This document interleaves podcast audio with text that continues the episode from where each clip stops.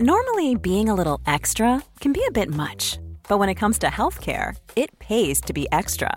And United Healthcare makes it easy with Health Protector Guard fixed indemnity insurance plans. Underwritten by Golden Rule Insurance Company, they supplement your primary plan, helping you manage out of pocket costs without the usual requirements and restrictions like deductibles and enrollment periods. So when it comes to covering your medical bills, you can feel good about being a little extra. Visit uh1.com to find the Health Protector Guard plan for you. Quality sleep is essential for boosting energy, recovery, and well being. So, take your sleep to the next level with Sleep Number. With a Sleep Number smart bed, you can individualize your comfort level and enjoy a better sleep night after night. JD Power ranks Sleep Number number 1 in customer satisfaction with mattresses purchased in-store. And now the Queen Sleep Number C4 smart bed is only $1,599, a saving of $300 only for a limited time. For JD Power 2023 award information, visit jdpower.com/awards. Only at Sleep Number stores or sleepnumber.com. Millions of people have lost weight with personalized plans from Noom, like Evan, who can't stand salads and still lost 50 pounds. Salads, generally, for most people, are the easy button, right? For me, that wasn't an option. I never really was a salad guy. That's just not who I am. But Noom worked for me. Get your personalized plan today at Noom.com. Real Noom user compensated to provide their story. In four weeks, the typical Noom user can expect to lose one to two pounds per week. Individual results may vary.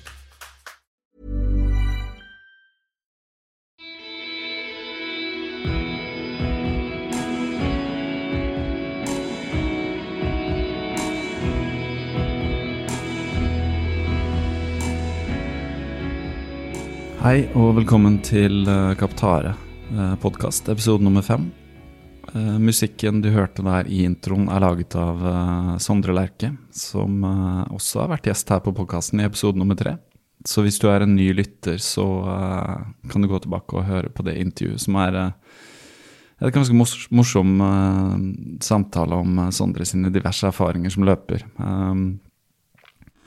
I dag uh, har jeg med meg Magnus Toru, uh, og Magnus uh, er en ganske erfaren eh, ultraløper, tross sin relativt unge alder.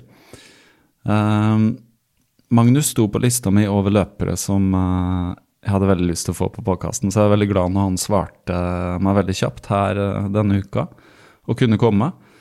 Uh, nå er det sånn at uh, det er et lite vendepunkt eller et nytt kapittel i podkasten hvor jeg har uh, starta å ta kontakt med løpere som jeg har lyst til å ha med her. Eh, og hittil har jeg bare fått veldig positive tilbakemeldinger, så det er eh, utrolig gøy og hyggelig. Det er ikke så lett når jeg har ganske litt erfaring med å lage podkast og kontakte nye, men foreløpig har det i hvert fall gått veldig fint, så jeg ser veldig fram til å ha disse samtalene fremover og høre på løpere som deler sine forskjellige erfaringer. Magnus har masse fint å fortelle, masse interessant. Han har en litt annen bakgrunn enn kanskje mange. Uh, så jeg håper egentlig at flere enn bare løpere kan høre på dette. Så hvis dere liker denne episoden, så er det veldig hyggelig om dere deler den uh, med andre. Kanskje det er noen fotballsupportere der ute som kan bli inspirert også. Uh, og apropos det, altså Jeg vet jo ikke hvem alle dere lytterne er, så det hadde vært veldig gøy om, hvis dere har noen innspill, spørsmål, tilbakemeldinger, hva som helst, uh, så hører jeg gjerne fra dere. Og da er det enten send meg en mail, kaptarepodkast at gmail.com, eller send en melding på Instagram, f.eks. Kaptarepodkast der. Eller om dere finner noen annen måte å ta kontakt på, så er det helt i orden. Til og med brev i posten. Uh, jeg har vel nevnt tidligere at jeg leste 'Endurance' av Alex Hutchinson, og den leste jeg ferdig nå. Det er en bok jeg kan anbefale om utholdenhet i idrett, kanskje løping generelt. handler litt om totimersprosjektet til Nike, blant annet. Det førte meg inn på en ny bok som jeg starta å lese nå, som heter 'Two Hours', av en fyr som heter Ed Cæsar toucher inn på en god del av det samme. Det virker som det er en liten uh, besettelse for tiden om å eh, skrive og eh, forske litt på dette om vi kan bryte totimeren på eh, maraton. Eh, og det skjer nok før eller siden.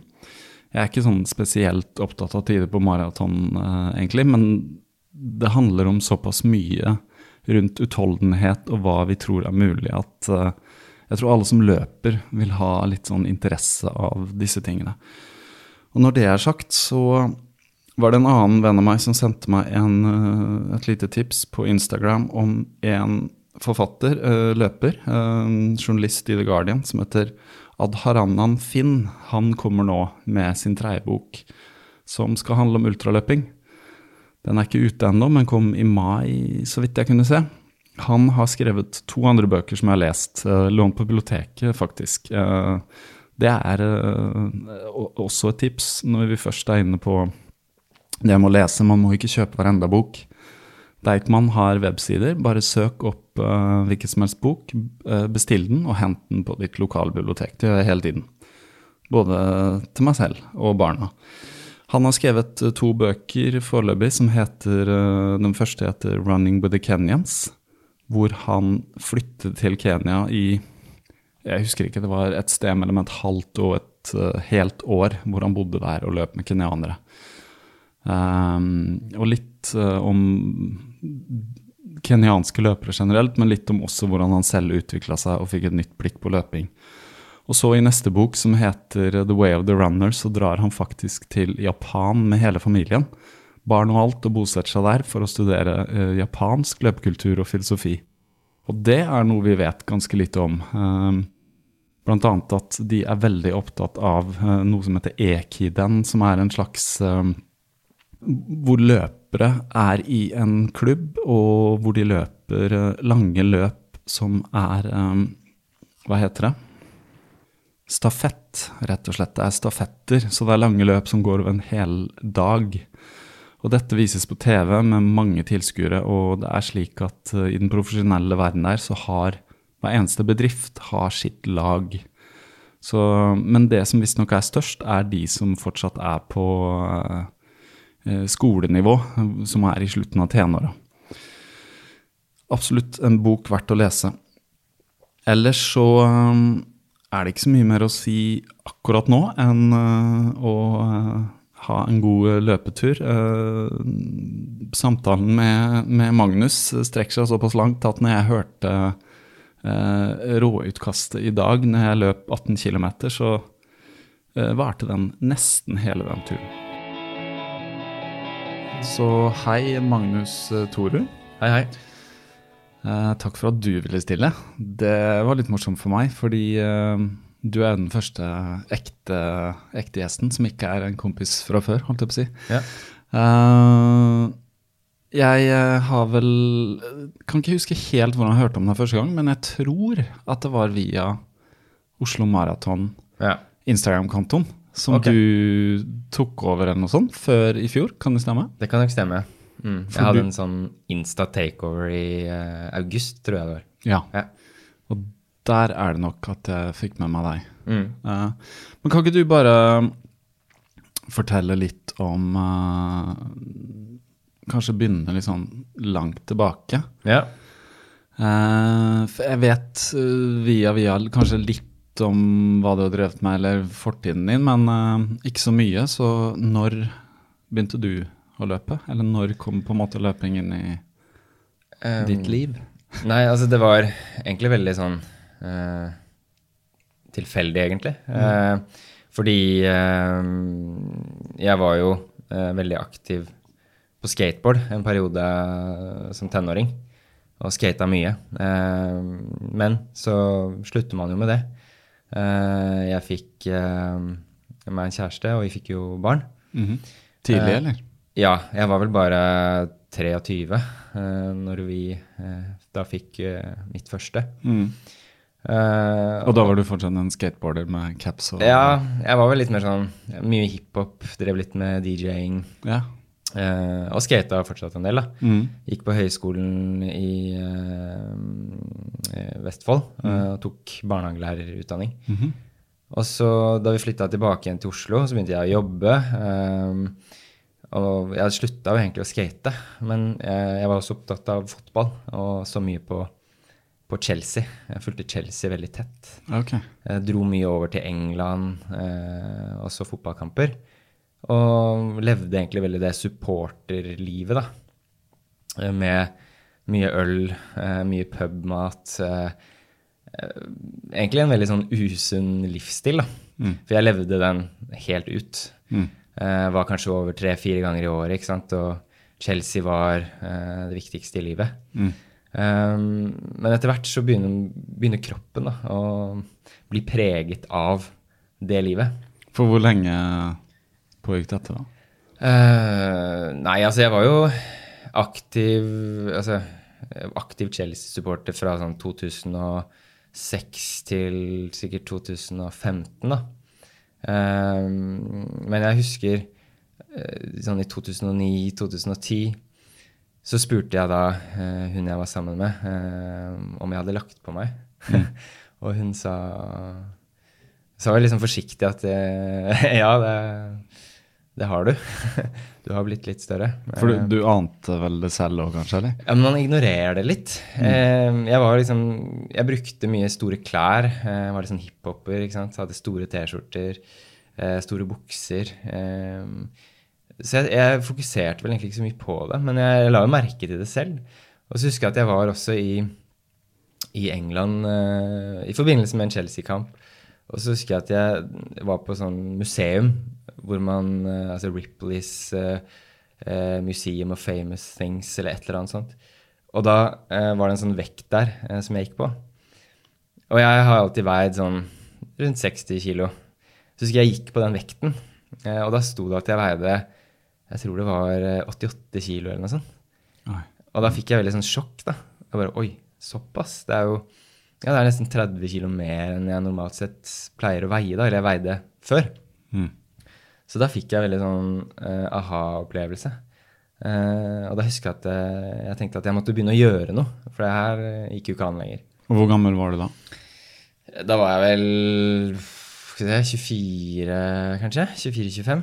Um, og da husker jeg at jeg bestemte meg for å begynne å løpe. Da. Det, var jo, det var jo vinter. Eh, januar, desember eller noe sånt, tror jeg det var. Um, og da tok jeg på meg Jeg hadde jo ikke noe treningsutstyr.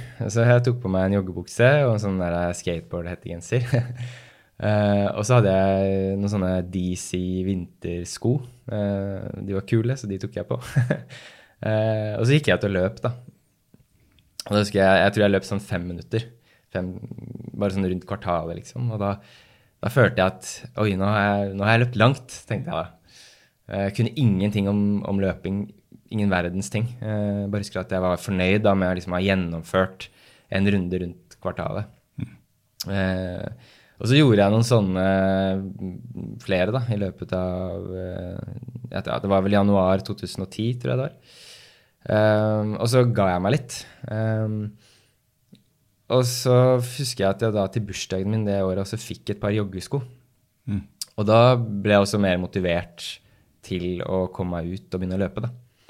Eh, og den våren så gikk løpeturene litt lettere. Eh, jeg husker at jeg løp fra ja, sånn cirka Røa sentrum opp til Bogstad gård. Og det syns jeg var kjempelangt. Altså det, var sånn, det var helt sykt eh, i mine øyne da, at jeg klarte det. Men det var veldig gøy, da. Og da følte jeg meg som verdensmester. ikke sant? Jeg trodde at jeg var sikkert best på hele, på hele røda til å løpe. um, Og det er jo ikke så langt, det er jo egentlig bare en par kilometer. Jeg tror jeg kanskje løp ja, det er den fire-fem kilometer. da. Men i forhold til nivået du var på, så var Ja, det så var jo det kjempebra. Og så begynte jeg da å eksperimentere litt og løp mer og mer og mer. Um, Men det var aldri på noe sånn Hadde ikke ambisjon om å være med i noen konkurranse eller noen ting. Det var bare sånn for å holde meg i form og og for å gå ned i vekt, da. Mm. Og jeg gikk ned i vekt, og jeg kom i bedre form. Begynte også å trene litt styrke og sånne ting. eh, Og syntes at det, det var fint. Jeg kom liksom inn, eller jeg fikk treningen mer inn i hverdagen, da. Mm. Eh, men jeg var jo fortsatt Chelsea-supporter. Så, Så, jeg du, gikk, du gikk fortsatt ut på puben med gutta og Ja, ja. halvliter og Ja, jeg dro fortsatt ut. eh, Det var jo sikkert en, altså det var jo en stor frustrasjon for eh, hun jeg var sammen med da. Mm. At jeg var mye ute på puben fortsatt. og Som var mor til ditt barn. Altså, Ja. Da hadde dere en, en sønn? Datter? Datter. Ja. Jeg har to døtre med, med henne, da. Ja. Eh, Jeg er ikke sammen lenger nå. Nei. Eh, Men hun var eh, mye frustrert pga. den, den Chelsea-greia. Og at Mm. jeg også var mye ute. Og sikkert også drakk altfor mye mange ganger. Mm. um, av det. Um, Ja. eh, Ja, jeg, jeg forstår det som far selv. Altså, jeg ble far mye, mye eldre enn deg, altså, eller jeg var 33, og da var jeg litt sånn Da gikk jeg fortsatt ut på byen og hei og hå, og hadde liksom hatt noen samboerforhold bak meg og hadde liksom mista troen på kjærligheten og levde litt ungkarslivet. Men jeg husker at når jeg fikk barn, uh, og da festrøykte jeg fortsatt. Jeg hadde røykt, men jeg hadde slutta med sånn dagdagsrøyking. Men da sa bare min, min nåværende kone hun sa bare du får ikke lov å ligge i senga med meg eller med oss hvis du fortsatt røyker, liksom, når du har røykt. Ja. Såpass strengt var det. Og da bare kutta jeg umiddelbart. Og da ble det av naturlige årsaker også mindre drikking. Men, eh, men det var litt annerledes med deg. Du hadde på en måte litt rom til å gå ut, eller du gjorde litt det, selv om du hadde små barn? Eller det er litt ja. vanskelig å Jeg gjorde det. Jeg, jeg klarte liksom ikke å legge det helt fra meg. Fordi Nei. jeg var så inni det, da.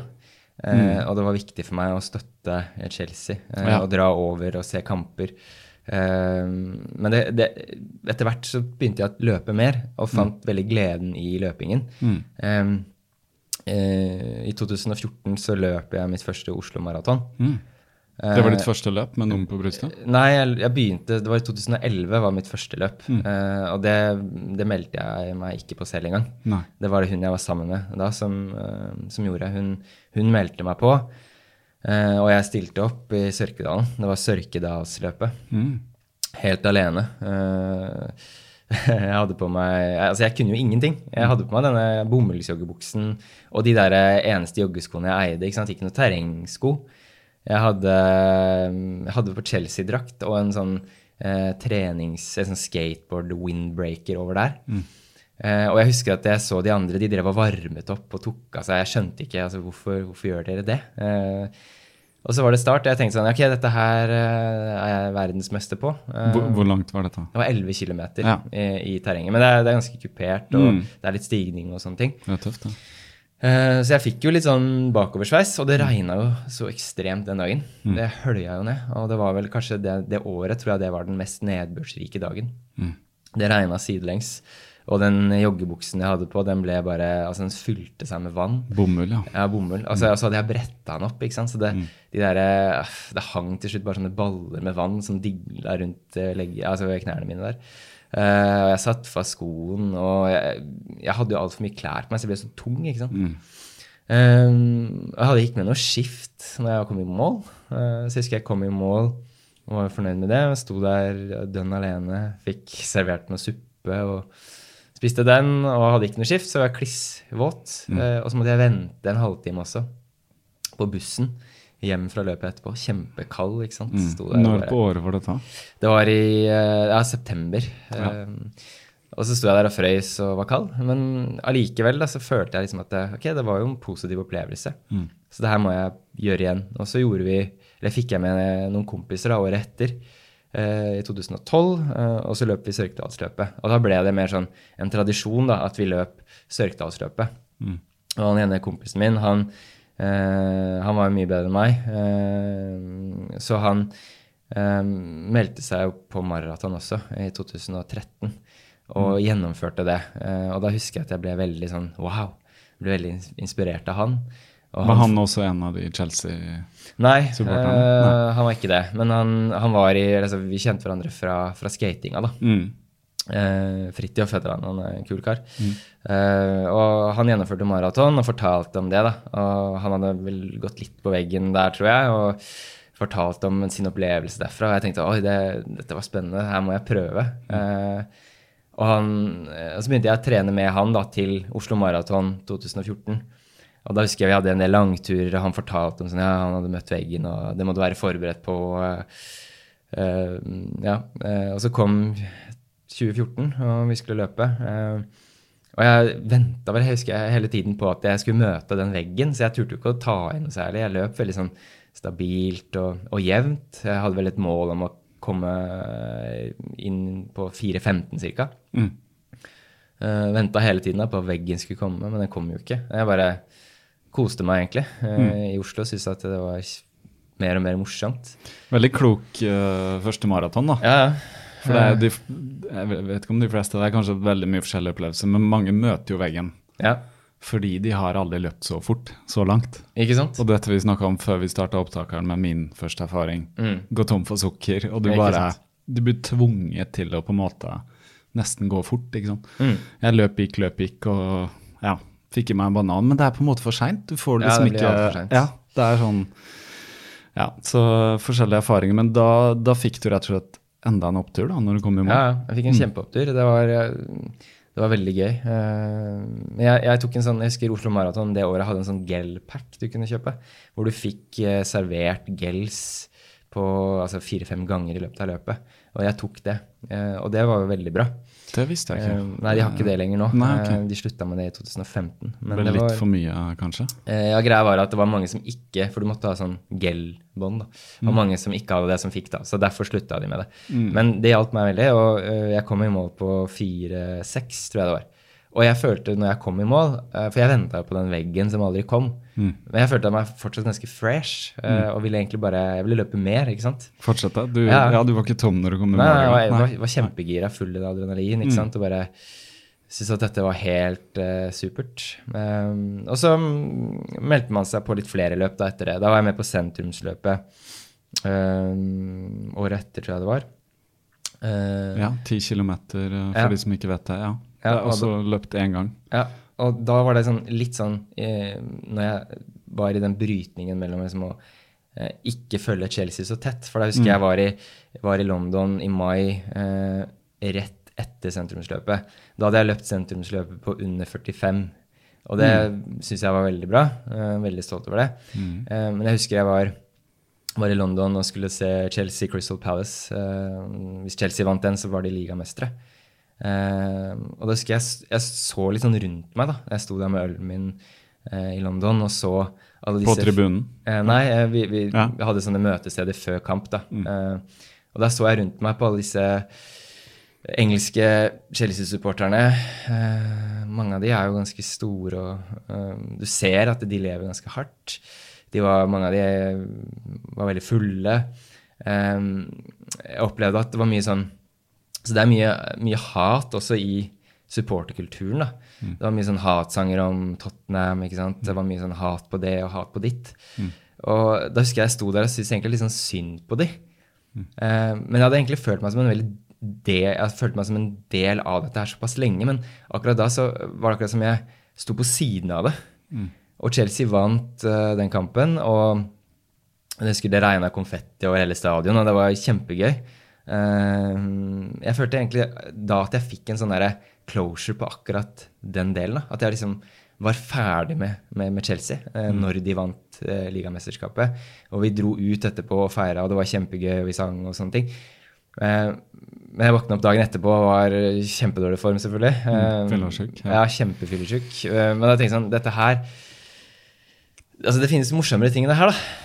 Eh, som å altså, eh, fokusere mer på seg selv for å prestere noe for seg selv, framfor det å stå der og bruke mye penger på et, eh, et av verdens største fotballag som egentlig ikke trenger meg, for de har jo millioner av supportere. Ja.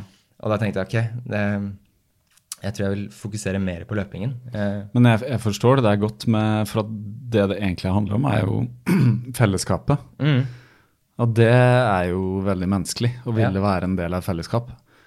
Eh, og det er jo interessant at du sier at det er mye sånn hatsanger, og det er litt sånn, det er litt aggressivt. Altså det er en veldig sånn machokultur, sånn som i Mm. hvert fall sånn ser jeg ser fotballen fra siden. Men allikevel så er det den der at man kan liksom klemme ja. hverandre, og det er bros, og det er liksom Mm. skåringer, og det er, det er en sånn jeg skjønner det allikevel. Og jeg har aldri vært veldig opptatt av fotball, men jeg, har vært, jeg bodde i Bergen, så jeg var litt på Brann stadion med kompiser og sånn. Og selv jeg som ikke var så interessert i fotball, ble allikevel revet med. Ikke sant?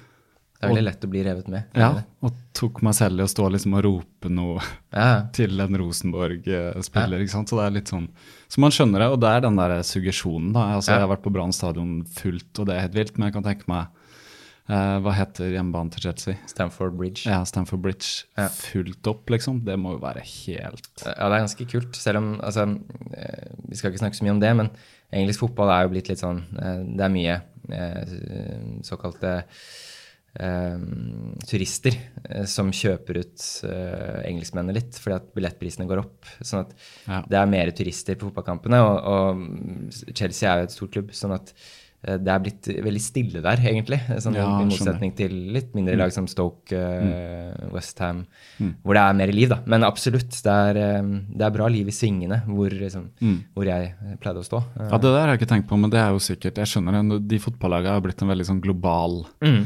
United, Liverpool, Chelsea, Manchester City Altså snakk om engelsk fotball. da. Eh, selv meg som nesten ikke følger med, får jo med meg det at det er fryktelig dyrt. Og, Å dra dit, ja. og og de fyller allikevel de 60 000-70 Ikke 000 eller hva det er, uten problem. liksom. Ikke sant? Det er bare så mange hjemmekamper i et år, så Mm. det er jo begrensa på et vis allikevel. Det er det.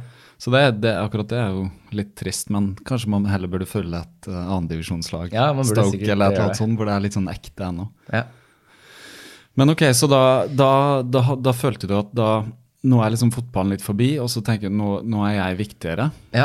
Um, hadde det noe med å gjøre også barna dine ble eldre? Altså, når barn blir eldre, så begynner man jo å få mer kontakt med de og sånn, og man har jo ikke lyst til å være for eksempel, å være fyllasjuk sammen med barn. er jo ikke ikke, noe morsomt i det hele tatt. Altså, man vil jo heller være en sånn far som bare tar de på skulderen og Mm. løper rundt og kunne leke og Ja, ja, selvfølgelig. Det hadde jo mye å si. Eh, også at jeg var mer til stede mentalt, mer klar som, som far. da. Mm. Eh, og løpingen hjalp jo veldig med det. Altså, Ja. Det var utelukkende positivt, for det, det, den hjalp meg å holde meg i form, selvfølgelig, men den gjorde også at man klarna tankene mer. ikke sant? Mm. Ja, det, det er samme opplevelsen jeg har. Ja. Så jeg tenker det eh, Det er liksom en ting jeg har lyst til å utforske litt her, og fordi det der med eh, mennesker som er sånn depressive og tunge og sånn, jeg tenker alltid løping er litt uh, kuren for det, altså. Altså alle har jo tøffe dager og kan være litt sånn nede og sånn. Eh, men min egen erfaring er at etter jeg begynte å løpe, så er jeg liksom aldri i kjelleren lenger. Nei. Fordi du føler at du vet hva det er å være veldig sliten. da. Å være liksom litt depressiv er jo å være litt sliten. Ja. Altså, det er rett og slett bare at akkurat som hodet ditt er litt slitent. Ja. Men når du virkelig har kjent på Ja, da hadde du løpt en maraton, men jeg har liksom kjent på ma veldig mange å være sliten. Og ikke bare fordi man løper ett løp, men fordi man trener mye i en periode, eller sover lite, eller Men allikevel bare gjør det, da. Dag ut, dag inn. Så blir du veldig sånn Så det er litt sånn eh, Ja, kanskje en eh, Du som er ambassadør for Oslo Maraton nå, opplever kanskje det at noen stiller for første gang og får rett og slett opptur av det. Det virker som det er en del sånne historier der ute. Har du, har du møtt noen som er sånn også blitt litt frelst, eller kommet fra en Ja, eh, det er jo det er mange som, ja, som deltar på et løp for første gang og opplever en utrolig glede i, i det. Da. Eh, og det ser man jo gjerne i målområdet ofte på sånne løp. Eh, enten det er halvmaraton eller maraton eller ti kilometer som løpes den dagen, så er det, det er alltid glade mennesker i mål, stort sett. Mm. Det er veldig få som står der og er deppa. Ja. Selv om du kanskje har gjort et, et, et ikke så godt løp, eller du kanskje ikke har nådd den tida du, du ønsket, så, så er du allikevel glad eh, i målområdet. Og det er umulig å ikke kjenne på den positiviteten, fordi det er så mye positivitet rundt deg i målområdet. Mm. Og det er veldig mye glede som du opplever å bare være ferdig òg. Ja, ja. Tross alt, selv om det er gøy mens du løper, og sånn, det er ofte fordi at det kanskje er litt vondt på slutten. da. Ja. Samme om det er en halv, en hel eller et ultraløp. ja ikke sant? Ja. Uh, ja, nå har jeg vært gjennom fotball, skating, men uh, når kom da ultra på en måte distansen? Du sa at du mm. kom i mål og hadde lyst til å løpe lenger. Ja. Visste du på det punktet at det var noe mer? Altså noe Nei. lenger enn Nei, nei, nei, ikke det hele tatt. Altså, det, greia var når vi begynte å trene til Oslo Maraton i 2015. For da var, eh, da var, det var han Fridtjof og jeg som trente til det. Eh, Det var vi som løp maraton. Og eh, begge hadde som mål å løpe på under 3,30 da, det året. Eh, Og på en av disse treningsturene så husker jeg at han, han nevnte Eller han begynte å snakke om 24-timersløp. Han sa at faren hans hadde sagt at eh, ja, det var noen som løp i 24 timer inne på Bislett. Og jeg tenkte sånn Det trodde jeg nesten ikke helt på, egentlig. Jeg sy- syntes det bare hørtes helt sykt ut. Eh, men så husker jeg sa sånn Ja, det må, vi, det må vi melde oss på. Og han bare Er du helt sprø? Altså, vi kan ikke melde oss på det. Eh, men så eh, fortsatte vi å løpe, og det Jeg husker jeg kom i mål det året på 3.29 på maraton. Og det var jo en av de større løpsopplevelsene, husker jeg, da jeg kom i mål på den. Å klare den og holde jevn eh, såkalt fem-pace, da. Mm. For det var første gang du hadde et tidsmål. For Ja. første gang du løp, så var det bare sånn Det bare for Hold igjen og det. klare. Ja. Så Ja. du, gikk 35 minutter raskere på et år? Ja, ja, Ja. Det var bare helt fantastisk. Jeg løp på 5.29 eh, blank. Og da, da var jeg bare da var jeg, da var jeg frelst, ikke sant. Og da husker jeg vi var på en sånn løpetur, og da øh, øh, snakket vi om at vi, vi skulle melde oss på. Eh, Da var jo 24-timersløpet utsolgt. Fordi at vi visste ikke at det ble såpass raskt utsolgt. Men da var det noe som het eh, Bislett Indoor Challenge. Da var det en sånn ultraløpsfestival hvor det var 6-timers, 12-timers, 24 og 48-timers. Så vi fant ut at det var ledige plasser på 12-timers. Så vi meldte oss på det, da. Eh, og så kom jo denne tolvtimersløpet, da. Eh, og jeg visste jo ikke hva jeg gikk til der i det hele tatt. Så jeg hadde aldri Jo, jeg hadde faktisk testa ut å løpe litt lenger enn maraton eh, som oppkjøring til det løpet. Det, det var vel i oktober eh, 2015, og det løpet var da i november. Eh, og jeg husker at da, jeg nærmet meg maraton, så var det sånn, litt sånn rart, for man tenker at eh, det stopper liksom ved maraton. Så husker jeg at jeg løp da over maraton. eh, På en treningstur? Ja, på en treningstur. Da løp jeg 50 km. Bare å, dette er bare utrolig. ikke sant? Og så hadde jeg fortsatt mer å gi på den treningsøkta, da, så jeg løp, tror jeg løp 63 km på den økta. Det var første gang jeg var på ultradistanse. Og det var fint å ha med seg til den tolvtimeren. Mm. Uh, men det er noe spesielt da, å løpe tolv timer nede i, uh, inne på Bislett, uh, rundt og rundt uh, i tolv timer. Vi starta da klokka ti på kvelden og løp til ti om morgenen dagen etter. Um, men det gikk egentlig veldig bra, sånn, for jeg hadde aldri løpt ultra før. Jeg drev vel faktisk og lå og kjempa litt om tredjeplassen en periode. Og det var veldig stort for meg. Som, jeg hadde Overraskende, ja. Jeg har aldri vært god i idrett på noen måte, da. Eh, men jeg ble nummer fire og løp vel 106,5 km. Og syns at I, løp du da liksom i ett, eller tok du pauser? Ja, da løp jeg i ett, da. Ja. Ja. Eh, Bare spiste mens du løp? Og Spiste og drakk litt. Ja. Holdt det gående. måtte ikke tisse eller noen ting? Jo, jeg gikk vel kanskje noen ganger på do. Ja, ja. Eh, men jeg følte at jeg fikk det ganske bra til, Mm. og det var, det var moro, da. Um, Du skjønte at du hadde en motor som kunne gå veldig sånn jevnt? uh, Jeg skjønte det. Jeg skjønte at det var et eller annet der. Eh, og så husker jeg jeg lå i sengen etter løpet og slappet av og følte at dette her Det er noe i den ultraløpingen. ultraløpingen. mm. Det må jeg utforske litt mer. Så da meldte jeg meg på noe som het Champagne Ultra. Det var samme sesong. Det var eh, et ultraløp som gikk på nyttårsaften. da Mm. i regi av Romerike ultraløperklubb. Uh, og eh, det var et terrengløp. Det var ikke veldig sånn veldig terrengløp, men det var, det var snø, ikke sant.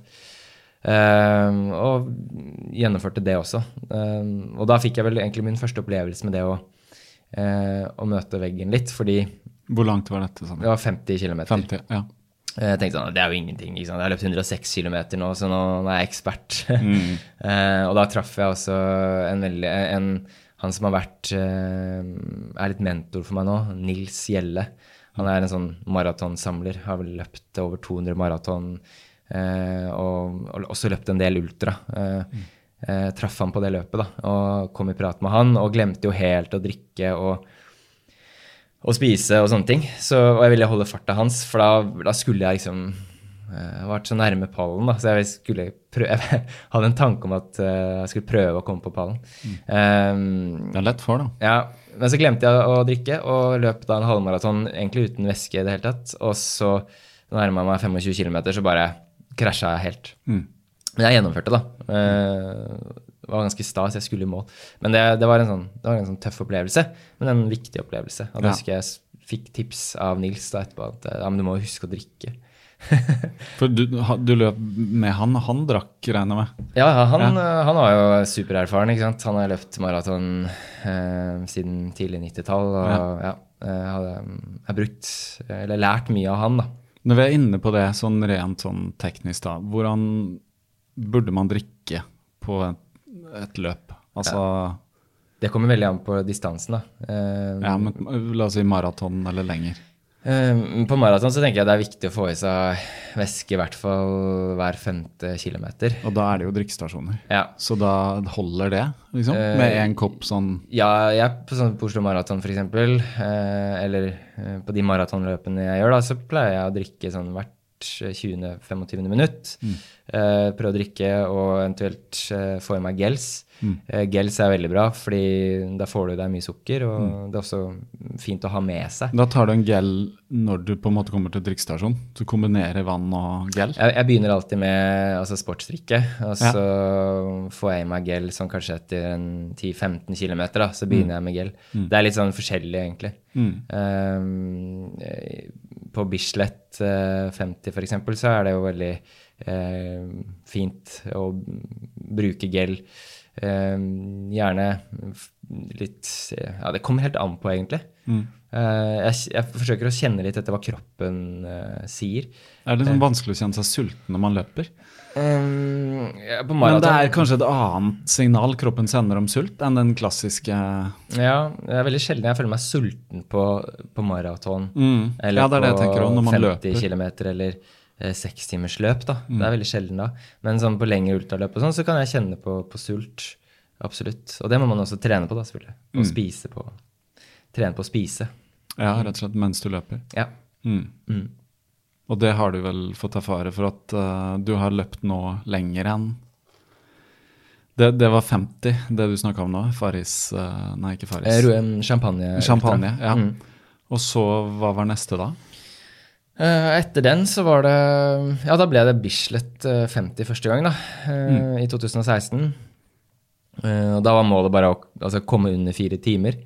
Og så klarte jeg det. eh, og da, ikke sant, selvtilliten vokste. Og så løp jeg maraton på 3.13 eh, samme året.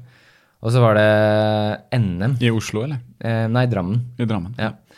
Og så var det NM i 100 km. Som var liksom Det var, den var stor. Være med i NM ikke sant? i ultraløp. 100 km i Bergen. Må man kvalifisere seg eller noe sånt da, eller hvordan funker Nei, det? det er ikke noe kvalifisering. Eh, Du stiller. Du, må være med, altså du må være, ha en klubb da, som Ja. er tilsluttet eh, Idrettsforbundet. Uh, Hvilken klubb er det du er? Romerike ultraløperklubb. Ja. Ja. Den har jeg jo hørt om. Ja. mm, Liksom. Men da løper jeg for Spiridon langløperlag Mm. på, den, på det tidspunktet. Eh, men da husker jeg løp NM. eh, 100 km. Det, det er jo langt. Det er langt. Mm. Så da var det en dobling, da? Av, eller ut, nei, du hadde Jeg har løpt løpt eh, 12 100 en gang før, da, 12 på, på 12 timers. Men ja. da skulle det også Målet var da å løpe under 9 timer. Mm. Eh, og da skal du vel holde en grei, ganske grei fart. Og det er litt forskjell på Bislett uh, altså, Ja. ing- Ingen vind, ingen uteklima, ikke Nei, noe opp, ikke noe ned. Altså, det er bare Det er lett å le en fart, mens når du er ute, så er det jo opp og ned. Og, Ja, ja. Men det her var i Bergen, eh, rundt eh, eh, Altså ved Festplassen der. Eh, Mm. Rundt Lille Lu- Lungegårdsvann eller Ja, sånt. Lung- Lungegårdsvann. Ja. Um, og det var egentlig perfekte løpsforhold den dagen. Var det bare løpe rundt der? Vi løp uh, en del runder rundt der, ja. Ja. Bare rundt og rundt og rundt. Ja. uh, og det var, det var bra. Eh, Da husker jeg også at målet var under, eh, under ni timer. Mm. Og jeg trodde også at jeg klarte det, eh, for tida ble 8.59. Mm. Eh, men det var noe feil med titakersystemet, så de hadde telt to runder for lite. Aha. Eh, så alle fikk jo tidene sine underkjent. Aha, Mm, så det var litt kjipt. Ja, Men- det var. Det var en positiv opplevelse. Mm. Allikevel, det kan ikke Mm. ha vært mye, mange minuttene å si der. Eh, Nei, jeg hadde vel løpt på sånn 9, eh, 9.08 eller noe sånt, tror jeg. Ja, ja. Hvis det, jeg hadde løpt de to siste rundene også. Åtte minutter er ikke mye når du ser ni timer. Nei, nei, nei. Altså. Ja. Men det var en veldig positiv opplevelse, det òg, da. Mm. Men hvordan klarte du å holde igjen farta? Hvordan visste du på forhånd hvilken fart og og Uh, jeg, jeg, jeg, måtte, jeg tror det, det var mye sånn prøving og feiling, rett og slett. Eh, jeg, visste, altså, jeg, husker at jeg var veldig lett i kroppen akkurat under det løpet. Jeg hadde veldig lyst til å, lø, å løpe i sånn 34-tempo. Mm. Men jeg hadde bestemt meg for å ligge på ca. fem blank da, på farta. Mm. 12 km. Og det, det holdt ganske lenge. Det holdt i sånn seks-syv timer. Eh, og så begynte jeg å kjenne på det. Fordi da, da kom jeg til et sånt punkt hvor jeg hadde løpt eh, nærmere 70 km. Og da hadde jeg holdt et relativt høyt tempo, da. Følte jeg selv da. Eh, og så begynte jeg å tenke sånn at ja, nå er det faktisk 30 km igjen. Og det er jo ganske langt. Fordi altså når du har løpt maraton eh, og har løpt eh, 12 km, og du har 30 igjen, så føler du at det er langt. da. Så begynte jeg å tenke på det, og så ble det litt negativt. Eh, og da begynte jeg for første gang da, å kjenne litt på de der eh, ultratankene, hvor du kanskje får en sånn dipp. Det blir litt sånn mørke tanker. Men så klarte jeg allikevel liksom å tenke meg opp igjen. Uh, så for når jeg da nærmet meg 80, så tenkte jeg at nå er det bare 20 igjen. Så når jeg da har løpt 10 til, så er det 90, og da er det bare 10 igjen. Og da klarte jeg liksom å tenke meg ut av denne mørke sumpa, da. Mm. Og så var det det der er Det er også tenkt på, det er utrolig mye å si for fysikken. Altså Hvis du føler at du er sliten eller begynner å fokusere på det. mm. Og Det var akkurat det som skjedde meg på den maraton, men da kunne på en måte ikke kroppen gjøre noe med det heller. Det var bare viljen som liksom tvinga meg videre. ikke sant? Så, Ikke sant? Men det var, da var det bare ti igjen. Men det føltes jo Det tok meg 70 minutter Ja, ja. ikke sant, å komme de ti kilometerne. Det er jo Ja, det er uff, ikke sant. Det er bare Ja, Men det er også, som du sier, en god erfaring. Så nå kan det bare gå oppover. Det hadde kanskje vært verre hvis jeg hadde gjort det veldig bra og så satsa på løpt Mm. fem minutter fortere eller noe sånt. Nå kan jeg bare slå den tiden, liksom. Det, det skal jeg klare. Ja. Så, men det forventet jeg er litt mer klar, eh, tror jeg. Rent sånn så Jeg tror treningsmengden som på en måte avgjør. Eh, Mm. Akkurat nå trener jeg til halvmaraton, og det er sånn behagelig mengde da, Ja, i hverdagen. det er det. Men uh, når vi snakker litt om det med trening og sånn, fordi dette kan jo du litt nå med trening. Nå har du holdt på ganske lenge, og jeg titta litt på de artiklene du har skrevet og sånn, litt i forbindelse med Mm. Oslo Maraton. Ja.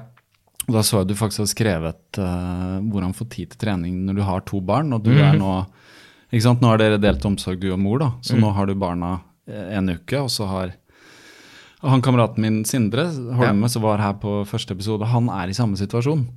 Og jeg snakka med telefonen her om dagen og var sånn Å, nå har jeg barna og sånn, og så er det Ikke sant, det er vanskelig, da. Og jeg Mm. Ja. skjønner det. Og jeg har ikke noe svar på det, fordi ikke sant, jeg har også to barn, men jeg har liksom muligheten til å Nå stikker jeg ut og løper, ikke sant, og så er hun på yoga, så det er liksom alltid en der, da. Mm. Men allikevel så skjønner man det, fordi barn krever tid, så hvordan får du tid til å Eh. trene? Du må, hvor, hvor mye løper du i uka sånn i snitt? Det kommer litt an på konkurranser og sånn, men jeg ligger vel på en Altså Hvis man tenker snittet mitt, da, eh, så ligger jeg på i hvert fall 100 km i uka. Men de ukene hvor jeg f.eks. skal løpe Eller hvis jeg trener opp til å løpe 100 miles, da, eller 24-timersløp, så har jeg mye mengde. Så da kan jeg ligge opp mot 200 km i uka, ikke sant. Oi, ja, det, det er mange timer, mange timer bruker du da? Nei, nå sånn som det siste, da, så har jeg ligget på mellom uh, 13 og 18 timer i uka, cirka. Mm. Så det er mye. Det, det er mye. Ja. Da, da begynner det å nærme seg sånn. Ja. Altså jeg ser Når jeg får liksom fire timer inn, så er det, føler jeg gjort bra, da. Eller Ja, nærmer seg 50 km eller noe Det er jo bra. Ja, det er relativt bra det òg, men uh, jeg også er litt sånn lurer litt på hvordan skal jeg få Ja, putta inn noe mer, liksom. Jeg ser jo morgener, da. selvfølgelig, Ja. altså sånn, Hvis jeg kan stikke ut før det, det, har skjedd. Mm. At uh, jeg våkner tidlig før de andre, men da skal man føle seg ganske våken. Ja. Uh, ja. Jeg gjorde det sånn en periode at jeg sto veldig tidlig opp og løp uh, mellom tre og seks timer. Oi. Ja. Eller når jeg kjørte langturer, da, i helgene. Eller så sto jeg tidlig helger, opp og, og løp intervaller. og så løper jeg til og fra jobb en del, da. Eh, eller forsøker å legge inn mye av de rolige øktene der. Mm. og så hadde jeg tredemølle. Ja. Eh, den ble solgt nå for eh, en måned siden. Det var litt fælt. Men eh, jeg skal jo bli pappa igjen eh, nå i mai eh, til en liten gutt. eh, sammen med, med kjæresten min. Gratulerer med det. Ja, tusen takk. Eh, så da måtte jeg selge den. Men eh, kjæresten min er også veldig sånn eh, grei på det med løpinga. Altså, jeg- Løper hun også, eller? Nei, Nei. hun løper ikke. Men hun har uh, jobbet som musikalartist uh, og vært sanger uh, og, og skjønner liksom uh, gamet litt, da. Fordi hun har vært veldig dyktig. eh, og har levd for sangen eh, og jobbet på Valmanns eh, som artist der. eh, og skjønner liksom tanken om at du må, for å bli god i noe, så må du gjøre det mye. Eh, og hun uh, lar meg få lov da, uh, til å løpe, og hun stiller så mye opp i forhold til løpinga. Så Så det er litt lettere for deg nå, selvfølgelig, når Ja. du har Altså, hun er jo på en måte stemor for dine barn. ja. Så hun er veldig snill. Da. Når ungen er lagt, så stikker jeg ut, og så Jeg har heldigvis eh, et uh, treningsstudio rett ved der vi bor. eh, sånn 30 meter nedi gata. Så jeg Så stikker jo bare dit så, nå om vinteren og løper der. Eller så har jeg også sånne turer ute uh, sammen med, med venner og sånn. Um, men det er en for, stor fordel å ha henne, da. Og så får jeg også lagt inn mye trening sånn overalt der jeg kan, jeg, hvor jeg finner steder å legge inn trening. Enten det er sånn OK, jeg skal på et møte, da. Jeg jobber på Jan, eh, Fiskevollen barnehage. Har jeg et møte i, i byen, så løper jeg da fra Fiskevollen eh, til møtet. Jeg husker jeg, jeg skulle på et møte med Bymiljøetaten en gang eh, i forbindelse med at vi skulle bygge ut lekeplassen. Og det var 16 km fra Fiskevollen. Eh, Da husker jeg jeg rakk akkurat møtet. Kom løpende, ikke sant, kjempesvett. Og de bare OK. de ser litt sånn rart på meg, da, men jeg, jeg, jeg tenker ok, det, det får bare være. Jeg får lagt inn 16 km der. Eh, Og så løper jeg hjem. Da har jeg plutselig eh, 24 km, da. Bare på sånn, den transportløpinga. Ja. Um, men ikke sant, det, det er jo én ting. Det, det ser jeg jo. Det er en del som kan løpe til jobb og sånn. Mm. Eh, og det er jo kjempesmart. Ja. Det er bare sånn, Jeg regner med at de fleste arbeidsgivere aksepterer på en måte at man kommer litt svett og må ta seg en dusj hvis det er dusj der og sånn. Mm. Det er litt jeg skjønner det er litt verre du skal møte Bymiljøetaten og sånn, og så kommer du i treningsklær. Men det er det at det kanskje samfunnet også burde få litt mer aksept for det. Ja. Fordi det slår i hvert fall å sitte i en bil i kø eller et Ja, ja. eller annet sånt, og offentlig transport tar jo bare masse tid. Ja. Eh, Jeg syns det er så deilig å Altså, jeg merker det når jeg må ta bussen, Mm. så savner jeg alltid det å løpe. ja. For jeg syns det er så mye bedre å løpe enn å kjøre buss. Mm. Det er trangt på bussen. Det er eh, Folk er stressa, ikke sant. Mm. Eh, det er Og bare folk er på en måte et annet sted også, så Ja, det er jo ikke sånn at når du sitter på bussen, så kommer du hyggelig samtale med folk Nei, nei, og diskuterer filosofi og sånn. Det er sånn Alle ser ned i skjermen. skjermen, eller noen bare sitter og titter ut, noen sitter og hører lydbok. Alle er veldig Mm. sånn isolerte, da. Ja. Eh, det er man når man løper òg, men da er man i hvert fall hyggelig med seg selv. Ja, ja. Relativt, i hvert fall. Hører du på noe når du løper? Altså musikk, podkast, lydbøker, et eller annet sånt? Ja, altså jeg hører jo på musikk, eh, men så har jeg begynt eh, litt med podcast nå, da. Mm. På langturer og sånn. Syns at ja, det er litt fint å få sånt påfyll også. Musikk er jo bra, men podkast, da, da, da flyr gjerne timene litt fortere, egentlig. Mm, I hvert fall når du skal kjøre langturer, da. Mm. Sånn opp mot uh, fem timer. Så er det veldig fint med en podkast. Hvor uh, løper du når du har, må ha fem timer, da? Det er veldig forskjellig.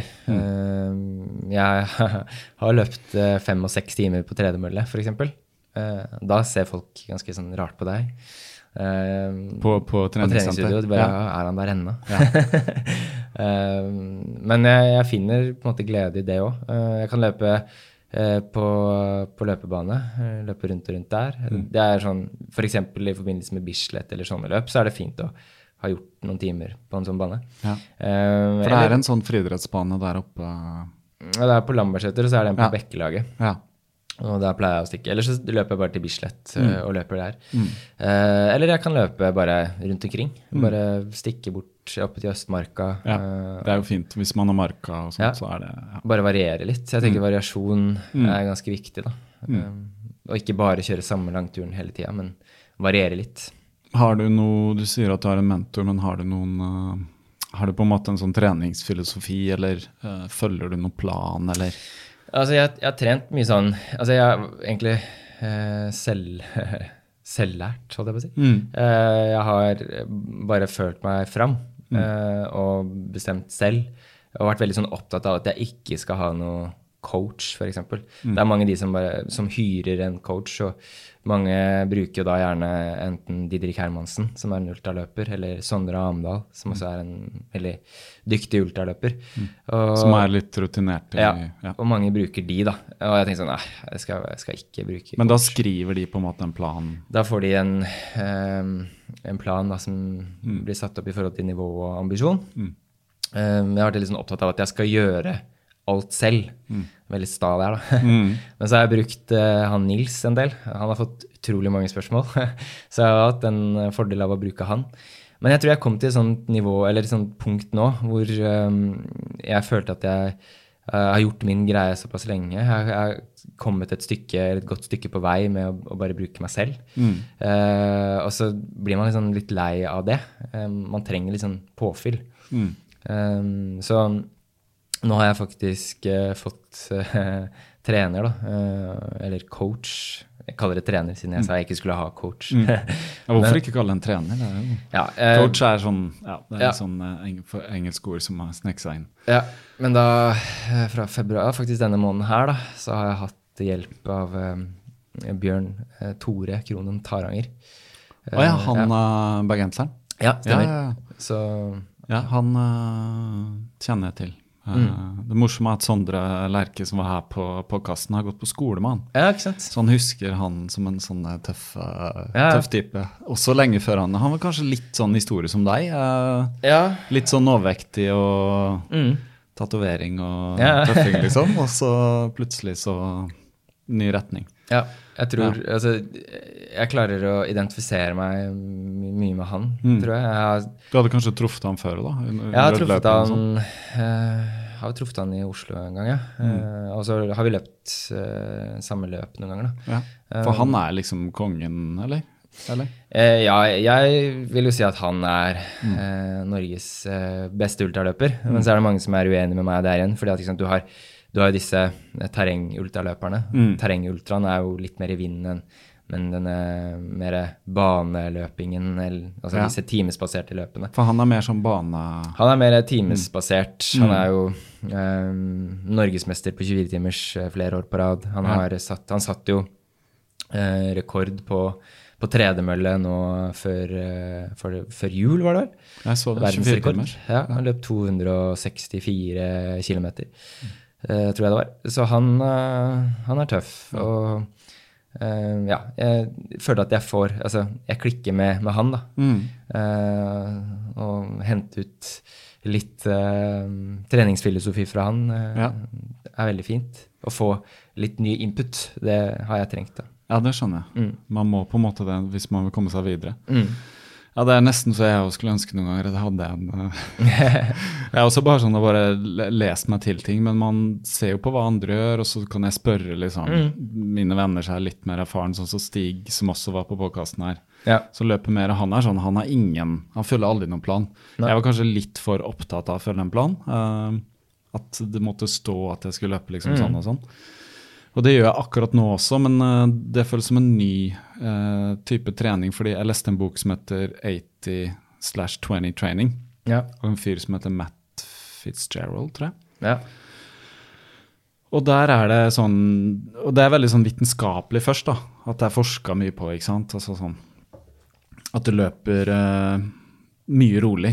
Mm. Men det du løper hardt, det er veldig sånn intervallbasert og veldig hardt. Og det har jeg testa ut nå, og det merker jeg funker. Ja. Men det som er den store forskjellen Det har jeg merka funka før òg. For skal du i god form løpe en god halvmaraton, så må du det. Men det jeg ser nå, er at øh, jeg har vært veldig opptatt av sånn sone 1, bare Ja. sone 1 og sånn. Mm. eh, når jeg løp eh, rolig, men nå, han er mer sånn sone 1 og 2. Ja. Liksom, så nå løper jeg mer i sone 2, og da har jeg merka at det har gitt meg veldig sånn boost, på en måte. Mm. Eh, blant annet bare løp en tur i går uh, i shorts, og plutselig snøen har gått og sånn, så sa jeg jeg kunne løpe i sone 2 i mye høyere fart enn jeg kunne bare for halvannen måned siden. Oi. Så akkurat som det bare fått en sånn ja, liten boost. litt. Ja, kroppen har liksom bare Ja. Ja. Så det, det har jeg veldig tro på. Så nå er jeg så ambisiøs at jeg tenker jeg skal sette ny PR på Ja. maraton i Bergen. da. Så bra. Så det, jeg kan si det her, faktisk. da må det skje. Det er liksom bordet fanger. Men eh, nei, jeg tror det. altså er veldig sånn, Jeg ser at potensialet er jo alltid eh, stort, på en måte. Men det er det, da, igjen. eh, Det der med tid til å løpe og sånn. Ja. Så respekt for de som klarer å, å, å legge inn eh, både tidlig og seint. Mm. Men jeg så det var litt som du skrev også, at når du har barn, ta med barna f.eks. Eh, på bane, og så kan de leke mens Ja. du løper. ja. Det er jo genialt. Det funker, det. Ja, Jeg husker jeg har hatt sånne eh, Jeg løpt eh, mm, Altså hatt te tempoøkter, da. Hvor jeg har løpt eh, halvmaraton i maraton-pace. Eh, og så har jeg da forberedt at ungene har piknik. Fordi der, på Lambertseter eh, idrettsbane så er det jo gress, ikke sant. Så da har man stelt i stand piknik for de, eh, og så løper jeg rundt og rundt. da. Og da syns de det er gøy å holde på der, og så kommer de bort til meg hvis det er noe. Eh, og gir meg drikkeflaska hvis jeg trenger det. Men de har vel veldig sånn forståelse for uh, hva du driver med? ja, jeg tror Nesten det. vok vokst opp med det, ikke sant? Ja, jeg husker jeg spurte uh, yngstedatteren min, da. Vi snakket om altså, um, hva foreldre jobber med og sånn. Og så eh, spurte jeg vel hva er det jeg jobber med. Mm. Og da sa hun sånn ja, du jobber med løping. og det, det gjør jeg jo ikke, egentlig. Jeg, altså, jeg jobber jo som eh, daglig leder i barnehage. Men hun var sikker på at jeg jobba med løping, da. Det er Det er, ikke, at- det er ikke så rart, for jeg, jo, jeg løper jo ofte og henter de, så jeg Ja, kommer jo i løpeklær, ikke sant. Ja. Mm.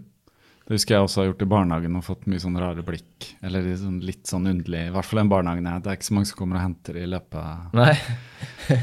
Men det er det å få liksom gjøre Normalisere det litt, da. Ja. Altså også at uh, Altså det man Altså Når man løper og blir varm og sånn, altså har man drukket nok vann, så lukter man jo ikke masse svette og sånn. Altså Man er liksom, man gjør ikke det, ikke sant. Så, men det er det I samfunnet så er det litt sånn rart Sånn kroppslige ting er litt rart. Altså Folk syns det er litt rart at man liksom nesten løper. De som Mm. ikke gjør det, syns det er rart at folk driver med sånne fysiske ting. og det Ja. føles det er veldig sånn skille mellom de som løper og ikke løper, men jeg hører stadig historier om eh, sånn som deg og sånn som meg, folk som ikke har løpt, og så plutselig gjør de det, og så bare går det et lys opp. Ja.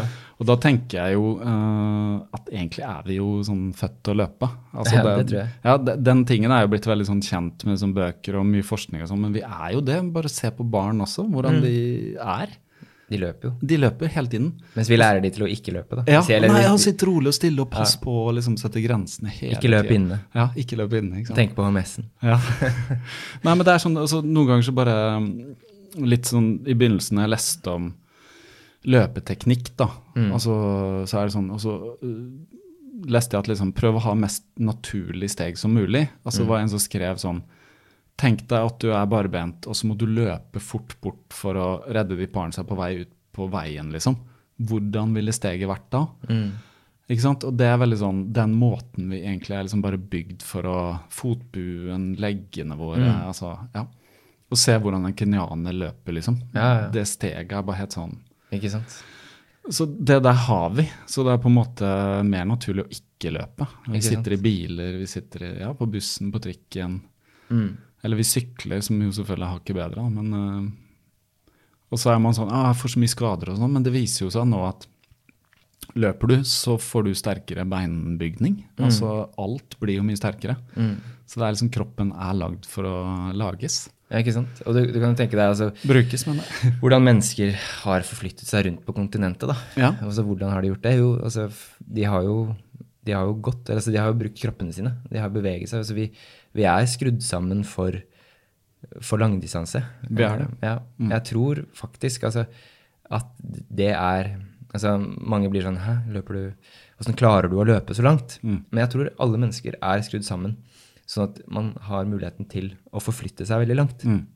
Det tror jeg. Og det, Og til og med om det liksom Mange tenker med en gang at det gjør litt vondt i kne eller hofta. Mm. Sånn at nei, å, det går ikke, jeg har vondt i kne og liksom Men men det er fordi man tilpasser seg ja. det å sitte i bil, eller så man tilpasser seg en eh, mer ikke-bevegelig hverdag, da, hvor man sitter mye hele tiden. Mm. Man kjører dit man skal, man kjører de to kilometerne til butikken istedenfor å gå. Man, eh, man sitter mye stille, og da til, altså, kroppen er tilpasningsdyktig. Altså, den tilpasser seg i forhold til det du gjør, eller hvordan du bruker den. Mm. Og det er klart at det gjør vondt i knærne når du da plutselig skal løpe. Mm. Mm. Det gjør det. Så da er det litt av gangen. Ja. Hvis du skal gi et råd til noen som vil begynne å løpe, da er kanskje det en av tingene. Uh... Ja, Um, det, jeg tenker det viktigste i begynnelsen er å ikke stresse med det. Altså, ha det gøy. Altså, bare gå ut og, og løp. Eller sånn som jeg, da. Jeg løper bare fem minutter av gangen. Jeg løper sikkert ikke en kilometer engang. Jeg vil tro at jeg løp 300-400 meter og syntes at det var langt. mm. Men det var jo det når, ikke, når null var på en måte Ja, når, ikke sant? Du, du Altså, kan du, bare du komme lenger. løp vel ikke noe sted før det, liksom? Nei, Eh, jeg gjorde ikke det, altså. siden barnsbena, holdt jeg på å si. Nei, Jeg spilte fotball, men jeg, før det så jeg, jeg har vel aldri løpt. Jeg husker jeg var jo i militæret, da, så måtte vi løpe. Men da Ja, syntes jeg det bare det er var fælt fordi Ja. at vi måtte løpe. Tre- 3000 meter, var ikke det sånn? Jo, eh, jeg husker det. Jeg husker jeg, første gang, det er jeg, Vi måtte løpe 3000 meter. Mm. Ja, Da var jeg i dårlig form da. sant? Jeg drev bare og skata Mm. og drakk øl og sånn da òg. og da husker jeg han det var en fenrik eh, som løp eh, ved siden av meg. Mm. Og så bare drev han og skreik sånn Tore, er vi mann eller er vi mus? Mm. Skal ikke bli tatt igjen av de jentene bak deg. drev han og ropte da. Mm. Og jeg hata det, ikke sant. Ja. Ja. Men det, det, tror jeg er greia sånn som altså Når du velger noe selv, når du har lyst til noe, så blir det mer, mer positivt da, Mm. enn f.eks. at du må løpe 3000 meter fordi eh, man, man skal i militæret, eller Mm. man må det på, i forbindelse med Hvis du går på skolen, da. Mm. da Jeg ser jo det også sånn hvis jeg har hatt tidlige økter på, på idrettsbane, så ser jeg ofte at det er noen skoleklasser fra Lambertseter da, som er og trener der, og alle hater det jo. Mm. Og så driver jeg med intervalltreningen min, ikke sant. Jeg har også sett på Bislett uh, om sommeren, så er det noen som har gym ute der. Mm. Og det virker som de gjør alt for å bare Og så slentrer de rundt i indre banen, og så kommer du på en intervalløkt, ikke sant, så må du bare Mm. rope ut. Ja. Sånn bade. Her kommer jeg, middelaldrende mannen på Ja, og de bare, de, de bare hater og gleder seg til det er ferdig. Ja ja, det er det. Er det. Men det er, det er utrolig. Altså, fra uh, Altså, jeg klarte fem minutter, eh, og nå har jeg vel løpt Altså, Lengst jeg har løpt nå, er vel 280 km pluss, da. På én økt. Nei, altså, vi hadde jo en sånn derre eh, Det var i, i høst i forbindelse med No Finish Line på Rådhusplassen. Ah, ja, det husker jeg. ja. Så var det to andre ultraløpere, altså Øyunn eh, Bygstad og Jeanette Vika. Mm. Eh, vi hadde som mål da å løpe 1250 runder totalt Mm. På Rådhusplassen. Eh, og da over tre døgn. Og Vi skulle være der i de tre døgnene. Mm. Uh, det var eh, også, Det er jo granitt, da. Rådhusplassen er jo ikke akkurat Det er ikke det beste underlaget. Nei, det er et vondt underlag. Ja. Og? Du kan tenke deg det er tøft nok å løpe et 24-timersløp. Mm. Men her var det liksom, her var det snakk om tre 24-timersløp, da. Mm. Ikke sant? Jeg så den eh, Instagram-posten. Eh, Ja.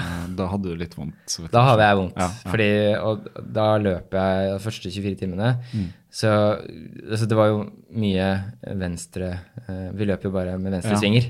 Og så korte runder, så det blir mye svinger òg. Mye belastning på, den, på venstrefoten eh, i de svingene. Mm. Så, og jeg, I begynnelsen så tenkte jeg ikke noe på det, men etter hvert så begynte jeg å kjenne antydninger til det. Mm. Eh, og da husker jeg at altså, det ble, en sånn, ble et opphold, for de måtte stenge løypa Ja. Uh, pga. Knut, da, den stormen som kom. Oh, ja, ja. Og det, det var sånn, da har vi løpt i 24 timer pluss, og så ble det da et opphold på, på 7-8 timer. Eh, og da dro man jo hjem, eller jeg dro i hvert fall hjem, uh, for jeg bor ikke langt unna. Mm. Eh, og da begynte jeg å kjenne på den eh, skaden, Mm. og da så jeg at det ble en hevelse der, ikke sant? Mm. Eh, men jeg var, var jo fast bestemt på at jeg skulle gjennomføre. Og da har man løpt ett 24-timersløp, og så er det en pause på 28 timer. Og så vet du at du skal løpe et 24-timersløp til, men pluss da ja, eh, 12 timer, da. Mm. Så 36 timer til. Herregud. Eh. Men dette var for eh, uh, veldedighet, ikke sant? Ja, det var det et var, sånn det var for Stine Sofies stiftelse. ja. Så det, da husker jeg at vi mm, på den lørdagen, da, eh, da husker jeg Jeanette kom bort til meg og så sa på meg og sa at det her er jo bare tøys. Altså, du, det, du er jo skadet. Mm. Jeg bare Nei, jeg er ikke skadet. Jo, jo, du er skadet. Og så fikk hun da en fysio til å komme til å se på det. Han så på det, og så sa han nei, det, han var ikke helt sikker på hva det var, da. Um, så jeg bestemte meg for å fortsette. Men det var jo vondt. Ehm, man, man, utrolig hvordan man klarer liksom å fokusere på noe annet enn smerten. da. Hvordan gjør du det da? Uh, nei, jeg fokuserer på uh, Jeg kan fokusere på pusten min, eller jeg kan høre musikk. Eller så jeg prøver å flytte tankene over på noe annet. Mm. Uh, jeg kjenner jo at smerten er der. Men jeg, altså, det som var greia, var at det, det gjorde mer vondt å gå enn det gjorde å, å jogge. da. Så jeg forsøkte liksom å holde en sånn rolig pace og løpe på forfot, eller jogge på forfot. Det hjalp litt. Men det var jo vondt. Og så husker jeg noen i i, eh, altså arrangøren eller noen i Stine Sofies stiftelse kom bort til meg. Eh, og jeg, hun så jo at jeg hadde vondt, eh, eller at jeg halta litt. Og så sa hun at jeg kunne få Røde Kors til å se på det. Men jeg ville ikke at de skulle se på det, fordi jeg var redd for at jeg, de skulle ta meg ut av, av løpet. At de sa nei, det her er, du er skadet. Jeg, ville, altså, jeg ignorerte den greia der totalt. Jeg burde jo ha stoppa etter 20 timer. Jeg var jo eh, skadet. Mm. man trodde jo, eller jeg trodde at jeg hadde et tretthetsbrudd. da. Og mot slutten av, av No Line så, så klarte jeg altså, jeg, jeg fikk en sånn derre et opphold hvor det ikke gjorde vondt. Det var helt fint. Mm. Men så slo jeg Jeg sparka den foten inn i en sånn granitthelle. Oi. Så jeg slo det opp igjen, og så gjorde det enda verre. Det gjorde kjempevondt. Uh, men jeg skulle jo gjennomføre det uansett. Eh, men de, mot slutten av det løpet så husker jeg også at det, altså det begynte å klikke da, inni, det, inni det beinet. Ble du ikke litt redd da? Eh, jo, da bestemte jeg meg for ok, da får jeg bare gå Ja. siste timene. Mm. Eh, men det var jo litt kjipt, da, å måtte gå. Eh, men det blir jo Det er nesten tøffere. Ja, det, sånn det var vondt. Jeg husker jeg gikk Ja. med staver. Bare for å liksom å avlaste. Ja. Men det var sånn fåfengt. Altså gå rundt med staver på, på Rådhusplassen. Så For du tenker, de som kommer, hva er det han driver med, liksom? Ja, ja, ja. For de ser ikke kontekst at du har løpt i Nei, nei. 36 timer eller sånt. Men uh, det jeg kom igjennom det, da. Um, og det var jo heldigvis ikke så ille som man trodde. Uh, det var ikke tretthetsbrudd. Det var da en, uh, sånn delvis avrivning om en scene. Mm. Så heldigvis så kom jeg meg ganske raskt etter nå Finnerstein. Men du måtte bare ha et opphold på løpingen? Jeg hadde et opphold, på tre uker, tror jeg. Ja. Uh, og så gjorde det litt vondt. Eh, eller liksom, det gjorde ikke vondt, jeg kjente antydningen til at det hadde vært noe der. Men siden jeg var, på noen MR og sånn, og de så at det, var jo ikke, eh, det var jo ikke tretthetsbrudd. Og så har jeg også en, en sånn sports... Altså en kiropraktor da, som, som følger meg opp litt og hjelper meg. Eh, og han så på det og sa at nei, det er dette, er, dette er bløtvev, så løp rolig på det. Kjenner du at det gjør vondt, så stopper du. Så da gjorde jeg det, og så gikk det over. Og jeg løp også 24-timersløp da, samme sesong. Jeg trodde at det spøkte jo litt, egentlig, Mm. for det 24-timersløpet. Var det første? 24? Nei, det var andre Det var andre. 24-timers. Ja. Så hvor mange 24 timers har du løpt? Uh, altså rene 24-timersløp så har jeg da løpt uh, to. Mm. Og begge på Bislett, eller? Begge på Bislett, Ja. ja. Mm. Hvordan er det egentlig? Det har jeg tenkt litt på. Eh, Jeg skal spørre om, fordi jeg løper også trener litt på Bislett, og jeg syns det er kjedelig. Altså, jeg Ja, ja. hører på podkast og sånn, men ofte løper jeg der nå for å ha de spesifikke øktene, da. Mm. Når det er intervaller eller et eller annet sånt. For det er lett å telle og alt det der. Men når du må bare rundt og rundt inni der, hva, hva skjer liksom med syn og hode og, Ja. og sånn da? Hvordan oppleves det? Uh, nei, det Altså, jeg, jeg tenker ikke så mye på det, egentlig. Uh, Kanskje jeg, blir litt sånn beyond? Altså, Ja. ja. man, man, deler, altså man snur jo løpsretning da, hver sjette time. Ja, du gjør det. okay. Ja, det er jo en fordel. Så, Ja. Og så må man jo stykke det opp, selvfølgelig. Eh, Man må ikke tenke 24 timer. Man må bare se på det som et døgn hvor man skal løpe. Bare gjøre det man liker å gjøre. Men du, du løper, og så tar du en pause og spiser litt og sånn? ja, altså Jeg forsøker jo selvfølgelig å holde det gående hele tida. Altså løpe, løpe, løpe. løpe, Og spise mens jeg løper. Mm. Ja. Mm. Eh, drikke, altså holde meg i bevegelse. Stå, stoppe minst mulig. Um, men sant, det kommer alltid et sånt punkt i et 24-timersløp. og Det er sånn gjerne etter en 13-14 timer, da. Mm. Der er det tøft. Om natta, ikke sant. Ja. Fordi så- kroppen blir sånn Ja. skal jeg egentlig sove og sånn. man begynner altså man blir man, å, man kan begynne å tenke negativt. da, Mm. og tenke sånn, Spesielt på Bislett. da, så er det sånn Hvorfor er jeg her? Altså, Mm. hvorfor, hvorfor gidder jeg å være i kjelleren på Bislett klokka to natt til søndag? Altså, når jeg har løpt i 14 timer. Mm. eh, jeg, egentlig, jeg har lyst til å dra hjem og sove. Dette er bare tøys. Mm. Eh, Og da har man nær å gi seg ja, altså, jeg, jeg er aldri nær å gi meg, men Mm. jeg, liksom, jeg leker ofte jeg, jeg, jeg er veldig sjelden jeg gir meg. Jeg, Mm. jeg bryter veldig sjelden. Jeg har brutt, brutt én gang. Uh, men det er sånn, jeg leker noen ganger liksom tanken da, på at jeg skal bryte. Mm. Men jeg gjør det jo aldri. Uh, Men du må liksom nære den tanken ja, litt. det, det som, jeg, det som har jeg, jeg har en tendens til å gjøre, da, fordi jeg har ikke gått så bra på de to 24-timersene ja, For jeg gjemmer meg på do, som det heter. da. Altså, Jeg går inn på do, så sitter man der litt. For det, er ikke sant, det, du er alene der. Uh, og så bruker man, begynner man å bruke tid på do. Og da kan man surre bort ti minutter. da.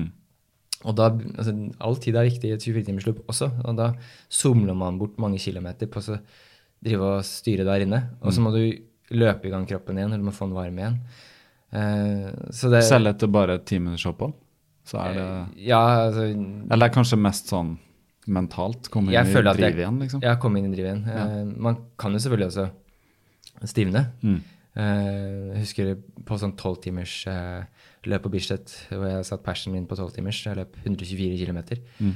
Da var jeg ikke på do i det hele tatt eh, på de tolv timene. Da gikk jeg på do siste Altså, det var ti minutter igjen av løpet. Da gikk jeg på do. Og da husker jeg, da stivna jeg totalt. da. Mm. Da slutta løpet etter de 12 timene og 50 minuttene. Så bare Mm. stivna helt. Og da husker jeg bare gikk de siste ti. Um, mm. Men det, det skjer jo også på de 24-timersene at man, man blir sittende, og så, så er det tyngre å komme i, i gang, da. Mm. Og hodet, det er vel hodet som er sliten? Altså, ja, man, man, man slåss jo. Det, bare, det er bare tanken i hodet. Selvfølgelig. Du må også ha treningsgrunnlaget. Eh, Men sånn som det 24-timersløpet som var nå i november, det var det bare, det var bare hodet mitt som, som ødela. hvor, mange, hvor mange er det som løper og sånn? Det er jo litt, blir mer og mer populært nå, da. Eh, Så de blir jo utsolgt, disse 24-timersløpene. Hvor mange er det plass til, da? Det er vel plass til en 170 stykker, tror jeg. Mm.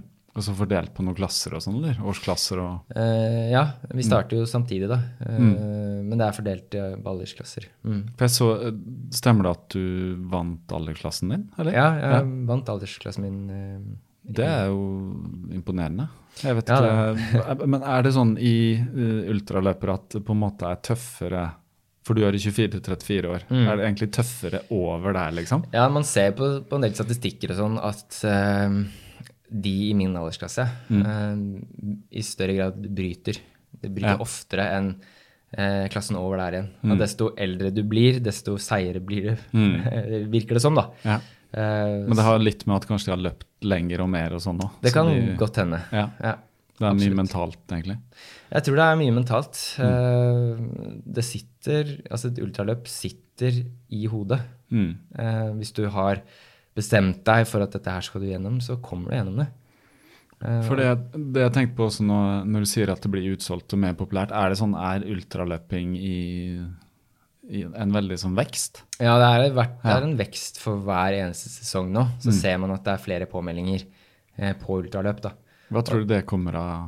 Jeg tenker at sant, folk har uh, løpt maraton, Mm. og så har har det vært sånn, blitt litt sånn Det har vært en ny løpebølge igjen, da. Mm. Og folk løper, og folk mestrer maratondistansen. Mm. Og så vil man gjerne se altså hvor langt man kan pushe grensa litt. Da. Mm. Og da har du fått en del kortere ultraløp, eh, sånn som på Ecotrail f.eks. Som 45. Hadde, ja, som hadde 45-50. Som blir en sånn derre Åpner for mange inn i ultraverden. Ja. Uh, og så er, har det vært en del interesse for den Romeriksåsen på langs, som er sånn 50 km terrengultra. Mm. Uh, og folk uh, tør å ta sjansen og tester det, tester ut. da.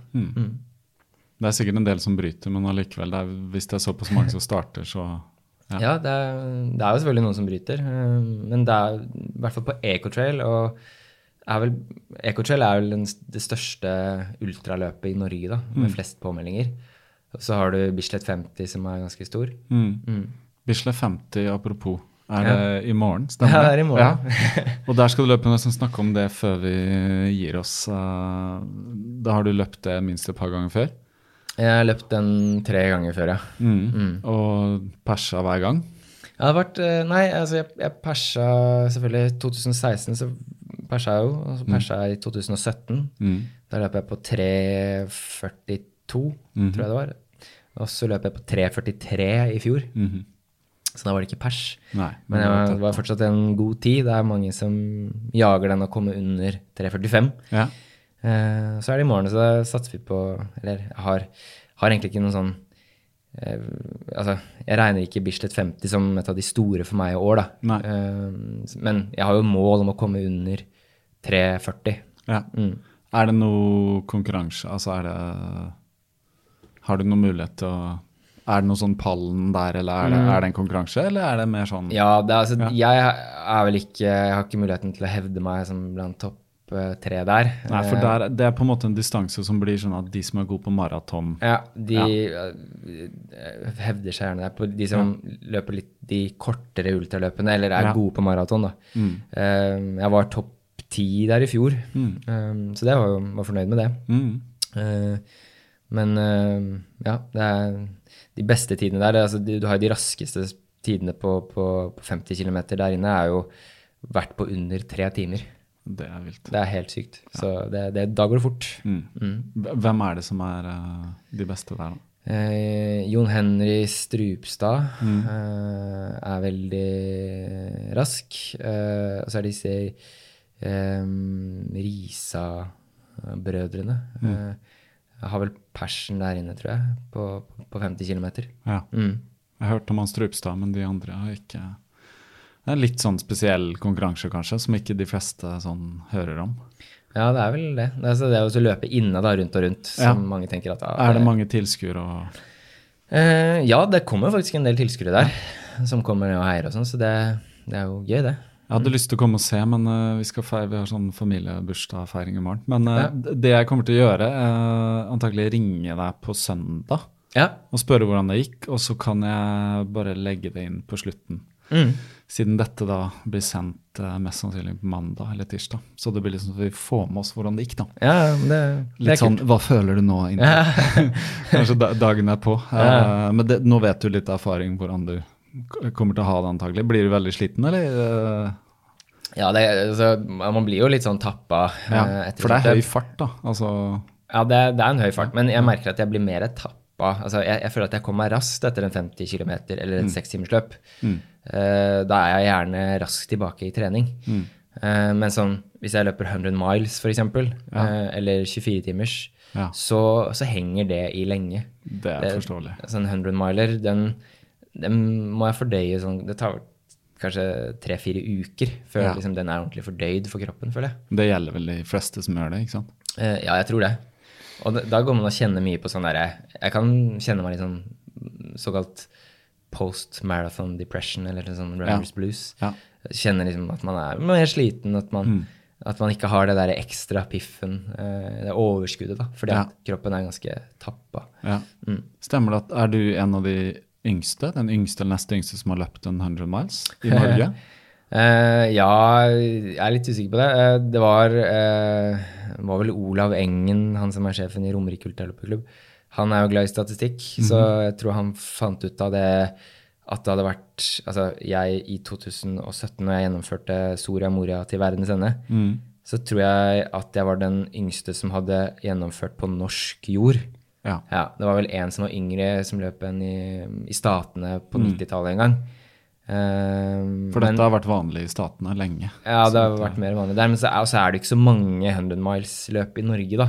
Eh, det er veldig det er jo ganske få. Det har jo, du har jo SMV, som er uh, Soria Moria til verdens ende, som er, er en 100 miler. Og så har du Nordmarka Ultra Challenge, som er et, eh, det har 100 km. Og så har du den 200 km. Så, mm. Men jeg tror at det er Hvis man tenker Bislett 24 og, og regner 100 miles der, så vil jeg tro at det er jo folk som har vært yngre enn meg, som har gjennomført det, da, men da i et 24-timersløp. Ja. Så det er jo på en måte mm. definisjon et annet løp. Ja, Vi får se om det kommer noen da, som er yngre enn deg. Det Er virker ikke som det er så mange unge som løper ultra, men det blir kanskje bare flere og flere. Ja, det, det er, du ser jo det at det er, det er litt sånn Det er jo kult. Det er, Ja. det er, det er noe som skjer. Det er mange gode ultraløpere som, som kommer, da. Mm. Eh, som, som tester ut eh, den delen av løpinga. Ja. Mm. Jeg tenker personlig, En eller annen gang skal jeg løpe lengre maraton, men hvor, liksom, Ja.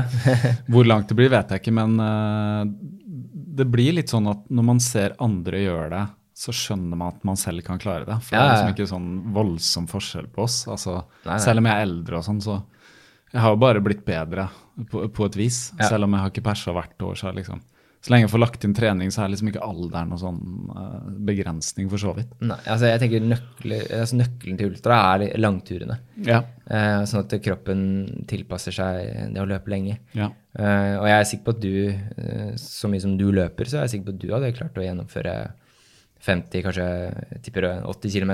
Men Ja. det er bare disse grensene som sitter i hodet. Så Ja, du må bare fjerne de sperrene. Ja. Jeg tenker på, jeg, tenkte jeg skulle spørre deg et praktisk spørsmål, fordi eh, jeg skal løpe halvmaraton i slutten av april, er siste helgen i april, tror jeg, Ja. um, i Bergen. Og så skal jeg løpe 30 eller 31 på Ecotrail en måned etterpå. Ja. Og da har jeg på en måte trent til halvmaraton. Så jeg vet ikke hvor lange de langturene blir. Jeg skal løpe en 18 på søndag. Ja. Jeg har løpt 16, men jeg vet ikke om det blir så mange mer enn sånn 20, kanskje. Nei. Burde jeg gjøre noe spesielt La oss si at jeg ikke løper noe lenger da, før halvmaraton. Burde jeg gjøre noe spesielt fra halvmaraton til Ecotrail? La oss si om det er fire uker eller noe sånt. da. Er det noe jeg kan gjøre da som er litt sånn smart? For da blir jeg jo litt sliten en uke eller noe sånt. Mm.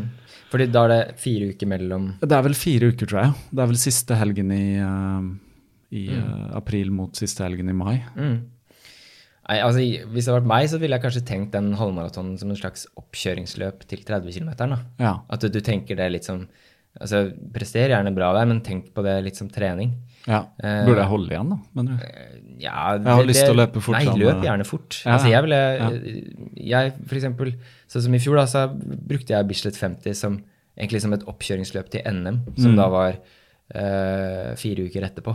Ja. Og jeg, jeg tar jo i alt jeg kan på, det, på Bislett 50. Mm. Uh, så jeg ville brukt det som en slags uh, oppkjøringsløp. Mm. Eh, Prestere så godt du kan, så tar du det litt rolig i etterkant, selvfølgelig. Mm. Eh, Hva burde man fokusere på da? Recovery-turer, liksom? Og Ja, altså, det er jo veldig forskjellig da, hvordan folk liksom responderer på det. Men, ja. jeg er litt altså, usikker selv, faktisk. Ja, men det jeg ville gjort hvis jeg var deg, var bare ta det rolig den første uka eh, Mm. etter det halvmaratonet. Ja. Eh, og så, så har du fokus på oppkjøringen mot eh, 30 km igjen. Da. Mm. Så jeg, jeg ville da lagt inn i hvert fall én langtur eh, den altså, To uker etterpå, liksom. Ja. ja. Eh, den søndagen der to uker før, To uker så, ville jeg, så ville jeg hatt en langtur Mm. på mellom eh, ja, 20, rundt 20-25 km, kanskje. da. Mm. Eh, og brukt det som siste, siste langturen. Eh, og så da begynte å trappe ned igjen de to ukene inn mot 30 km. ja. Mm. Og bare fokusere litt mer på kvalitet og Ja. Ja. Få, få inn noen litt raske økter, så du får litt sånn Mm. fart i, i beina også. Det kan være bra. For jeg kunne godt tenkt meg å ha gjort et bra Jeg har to opplevelser på 30. skjønner du, Den ene var veldig negativ, og den andre var veldig positiv. Sånn, uh, den første gang jeg løp det, Mm. uh, da var det hittil det lengste. Og da løper jeg veldig fort i 21. Mm. Ikke, ikke veldig fort, men for meg å være, da. Altså sånn, og det er jo ganske tøft, fordi det er jo fra Sørkedalen, det er mye terreng. Ja, ja, ja. Så når jeg kom ned til Lysaker der, så bare Jeg var liksom ikke sliten, men bare muskulaturen i det høyre beinet, altså på en måte der hvor lårmuskelen er festa oppe, Mm. bare ga etter. Så jeg, mer og mer, da. Så jeg klarte liksom ikke å det, det benet bare slutta å funke. Ja. Ja, det, så da også var det en sånn smerte forferdelig, men da skulle jeg bare gjennomføre. Eh, løp gikk, løp gikk. Men det var liksom ikke, du så pulsen var lav, jeg var ikke Ja, sliten. Det var bare pain å få med kroppen. ja, ikke sant. Så året etter var jeg sånn jeg skal ta revansj og sånn. Uh, skal være sterk i hodet, altså. Ja, ikke sant. Så det var liksom, det handla om det. Uh, året etter så skulle jeg løpe 30 igjen og skulle ta revansj, men da hadde jeg ikke fått trent så mye, så da feiga jeg ut, og så trakk jeg meg ned til 20, da. Mm. Da gikk det veldig bra, og det tror jeg var beste plasseringa. Det ble nummer 12 i min Wow. aldersklasse. Så bra. Av sånn 99 menn 40-44, da. Som Ja. var sånn Men det er jo kjempebra. Ja, ikke verst, liksom. Og så var det 30 år etter igjen som var nå. Mm. Og da var det den supervarme mai, Ja. husker du det? Ja, jeg husker ja, det. 28 pluss, og det, jeg vet det var mange som ikke stilte start engang på 80 og sånn, fordi bare Ja, det var veldig Ja. varmt. Og da tenkte jeg, og da hadde jeg hatt en maraton i bakhodet hvor jeg hadde bonka og sånn, en måned før. Mm. Og tenkte jeg skal bare starte kjemperolig. Mm. Nå skal jeg bare, dette er bare en treningstur. Jeg bare mm. løp rolig og hadde det fint og hadde en flaske med vann og liksom spylte meg sånn jeg kunne det. Og så når jeg kom ned til Lysakerelva, så var jo dritvarmt, men jeg la meg ut i elva da, utenom skoa. Jeg bare la hele kroppen. Det var utrolig deilig, nedkjølende. Mm. Fortsatte og begynte å ta igjen folk. Og de siste ti så bare løp jeg forbi en haug med folk. Helt Jeg fantastisk. tror jeg løp meg opp eh, 100 plasser, liksom. Wow. For da gikk jo alle på en smell. Nei, ikke sant? Mens jeg hadde holdt igjen, holdt igjen. Så det, det var veldig, sånn, når jeg kom i mål da, så hadde jeg samme tid som Eller litt raskere kanskje enn de to åra foregående, men det var helt motsatt på en måte erfaring, da. Ikke sant? Det lønner å holde, litt igjen. Ja, det er det. Men- Men nå har jeg lyst til å liksom kombinere den, de 20 raske første Ja. og avslutte godt de ti siste. De siste er liksom tøff, for det, da blir det flatt plutselig. ikke sant? Altså, Mm. Du løper jo på asfalt og Jeg vet ikke om du har løpt eh, Du kommer jo til Lysaker, Ja, og så er det jo på en måte bare Da er det jo slutt på terrenget. Mm. Jeg har aldri Så- løpt ecotrail, men jeg har løpt Ja, ikke sant? Så du Løp. kjenner, så det er liksom veldig fra et sånt trail-løp, og så plutselig er du ja, bare rett flatt. ut på Ja. asfalten. Men vi får se. Eh, det er i hvert fall litt sånn planen. da. Men har du, så at du hadde vann, har du noe sportsdrikke med deg? Da hadde jeg eh, ikke det. Fordi det er Da jo veldig- spiste jeg noen sånne næringsparer, tror jeg. Ja. Noen sånne rhubards, uh, sånn dadelbasert eh, Ja. Altså jeg vil eh, helt klart anbefale deg å Gel ha sportsdrikke. Ja, ja. Eh, og gjerne noen geller. For det, Mm. altså, du får påfyll av sukker. Ja. Det er kjempeviktig. Og uh, salter og Ja, det veldig de elektrolyttene og de saltene og sånn. ikke sant? Mm. Men det er veldig interessant det du sier der sånn i forhold til eh, det at du, kjente at kroppen uh, stoppa litt sånn opp det, det ene, ene gangen du var med. Ja. At du sleit deg gjennom Ja, det var det, det ekkotrailet med, med foten. Ja. Det var rett og slett bare muskulaturen bare Jeg tror ikke jeg var godt nok trent, Nei. egentlig. Uh, det var vel i 16, kanskje. Mm. Ikke sant? Ja. Så bare løpt i halvannet år eller noe sånt. Ja. Husker Så litt sånn ambisiøs der. også på sånn Jeg har hatt noen tøffe sånne på første gangen jeg løp den uh, SMB, Soria Moria, til verdensende. Mm. Så løp jeg jo altfor uh, dårlig sko. Jeg hadde ikke peiling på egentlig hva jeg drev med. Nei. Jeg løp i sånne mar lette maratonsko fra Adidas. ikke sant? Okay, så det er et, det er et terrengløp. eh, eh, Soria Moria til verdens ende. Ja. Eh, så jeg fikk jo masse grus og ting i skoene. Eh, Ja. Og jeg husker siste 16 km var som, altså det var som å løpe på glass. Altså det, altså det, var, det stakk så mye under fotbladene. Mm. Og altså beina var bare var maltraktert, ikke sant. Mm. Mm. Så Men du det- gjennomførte allikevel? Ja, jeg gjennomførte det. Bytt, bytte av sko, eller? Nei. Nei.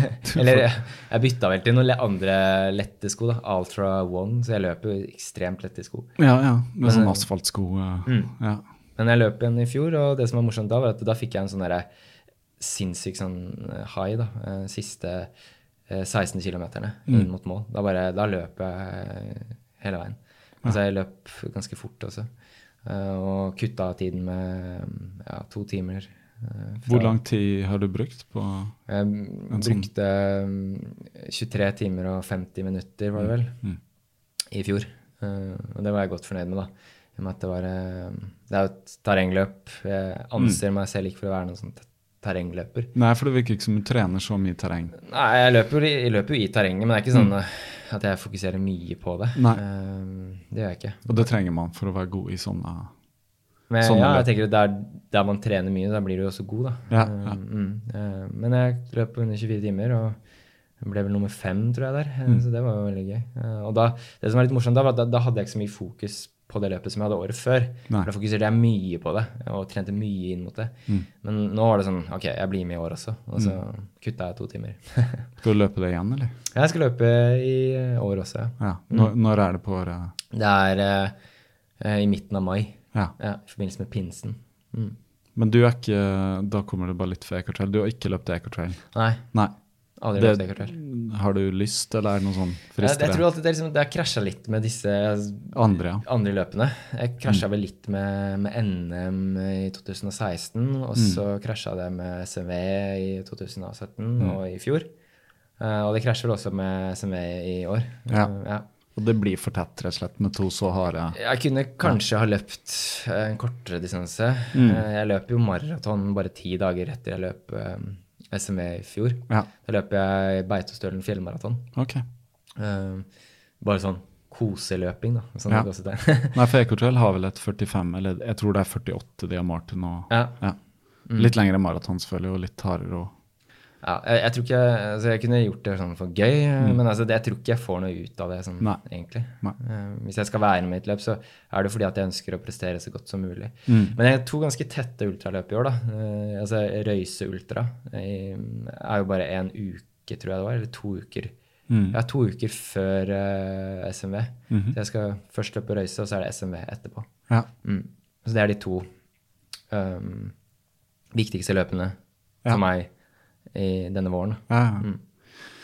Men jeg tror vi må eh, snart eh, lande her. Jeg tror jeg har fått spurt om alt jeg ville, men eh, hvis man vil følge deg, hvor er det Instagram-konto har du, ikke sant? Ja, stemmer. Ja, Da kan man følge meg på Magnus Torud, da. Med totall, ikke sant? Med totall. Med totall. Veldig greit. Og så er det Strava. Jeg tror jeg følger deg på Strava. Da kan Ja. man se. Legger du alt der, eller? Hvordan er? Eh, altså, jeg, egentlig så har jeg aldri brukt Strava. Nei. Jeg, jeg kom over dit sånn, i forbindelse med noe greier med noe uh, reklame for noe sånn eh, Hva var det? Eh, Running World Cup, da. Mm. Eh, så gikk jeg opp på Strava. Eh, så har jeg blitt værende der. Ja, ikke sant? Mm, eh, for jeg har egentlig vært litt sånn Jeg har trent litt, litt mer i skjul. Holdt Ja, trening ja. for meg selv. Det virker som det er en sånn greie blant ultraløpere at det er litt Ja. sånn Skal man vise alt man gjør, eller ei? ja, Eh, Jeg liker best egentlig å trene for meg selv og bare holde treningene for meg selv. Men jeg, så jeg tenker sånn, ok, det er litt gøy også å logge det sånn. Mm. Det er litt greit, for jeg har bare logga det manuelt før. Jeg har skrevet ned alle kilometerne jeg har løpt. Ja, ja, ja. Nei, men det skjønner jeg. Du har vel en Garmin-klokke der, så kanskje det, alt blir Ja, logga der. Ja, ikke sant. Så Mm. man ser det. Men det er kanskje ikke så viktig uh, alle de dataene liksom man må se på. Sånn som jeg opplever Strava, så er det jo egentlig en sånn sosial Ja. Vise hva man gjør, da. Ja.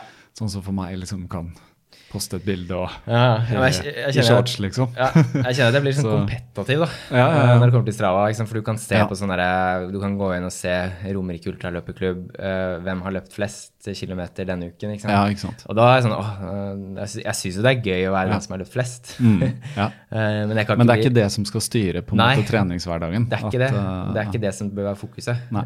Nei, det skjønner jeg godt.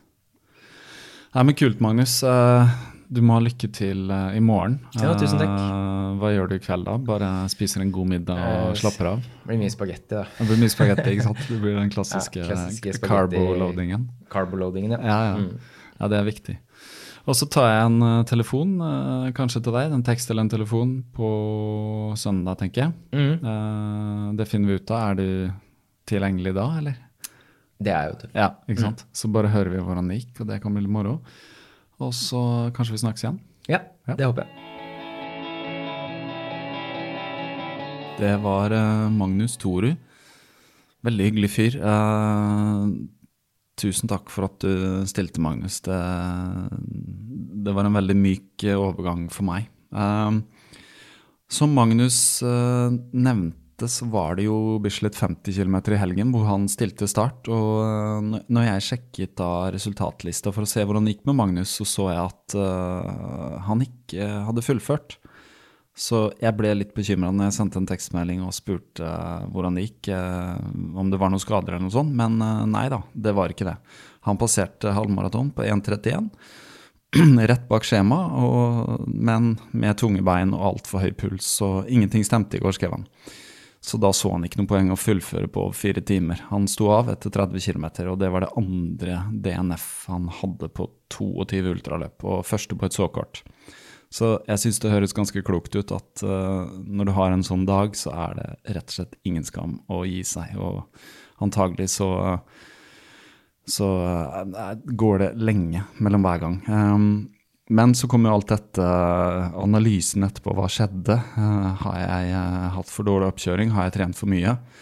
Men han skriver at han leste sin egen DNF-guide, som han har skrevet på oslomaraton.no. og um, den kan jeg anbefale dere å lese. Han eh, har jo hatt en erfaring før, så da skrev han litt om det for Oslo Maraton, og den ligger der. Så den er bare å søke opp.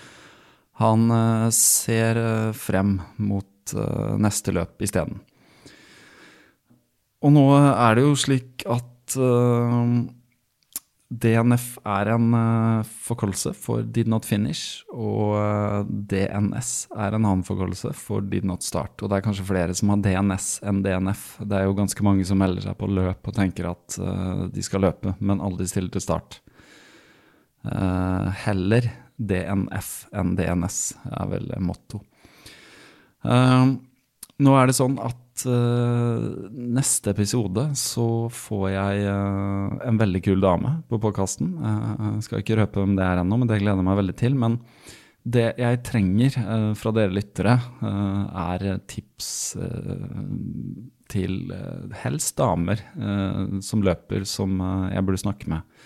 For at av en eller annen grunn så er det slik at menn gjerne lager eh, litt mer føss og litt mer oppmerksomhet rundt seg selv, så det er kanskje lettere å få øye på de, men eh, jeg tar gjerne imot tips hvis dere har noen på hvilke damer som burde komme og prate på podkasten. Eh, jeg kjenner dessverre ikke så veldig mange personlig, så om dere har det, så bare send meg en melding. Da gjenstår det bare å si takk og farvel for at dere var med så langt. Så får dere ha en god dag, aften eller morgen.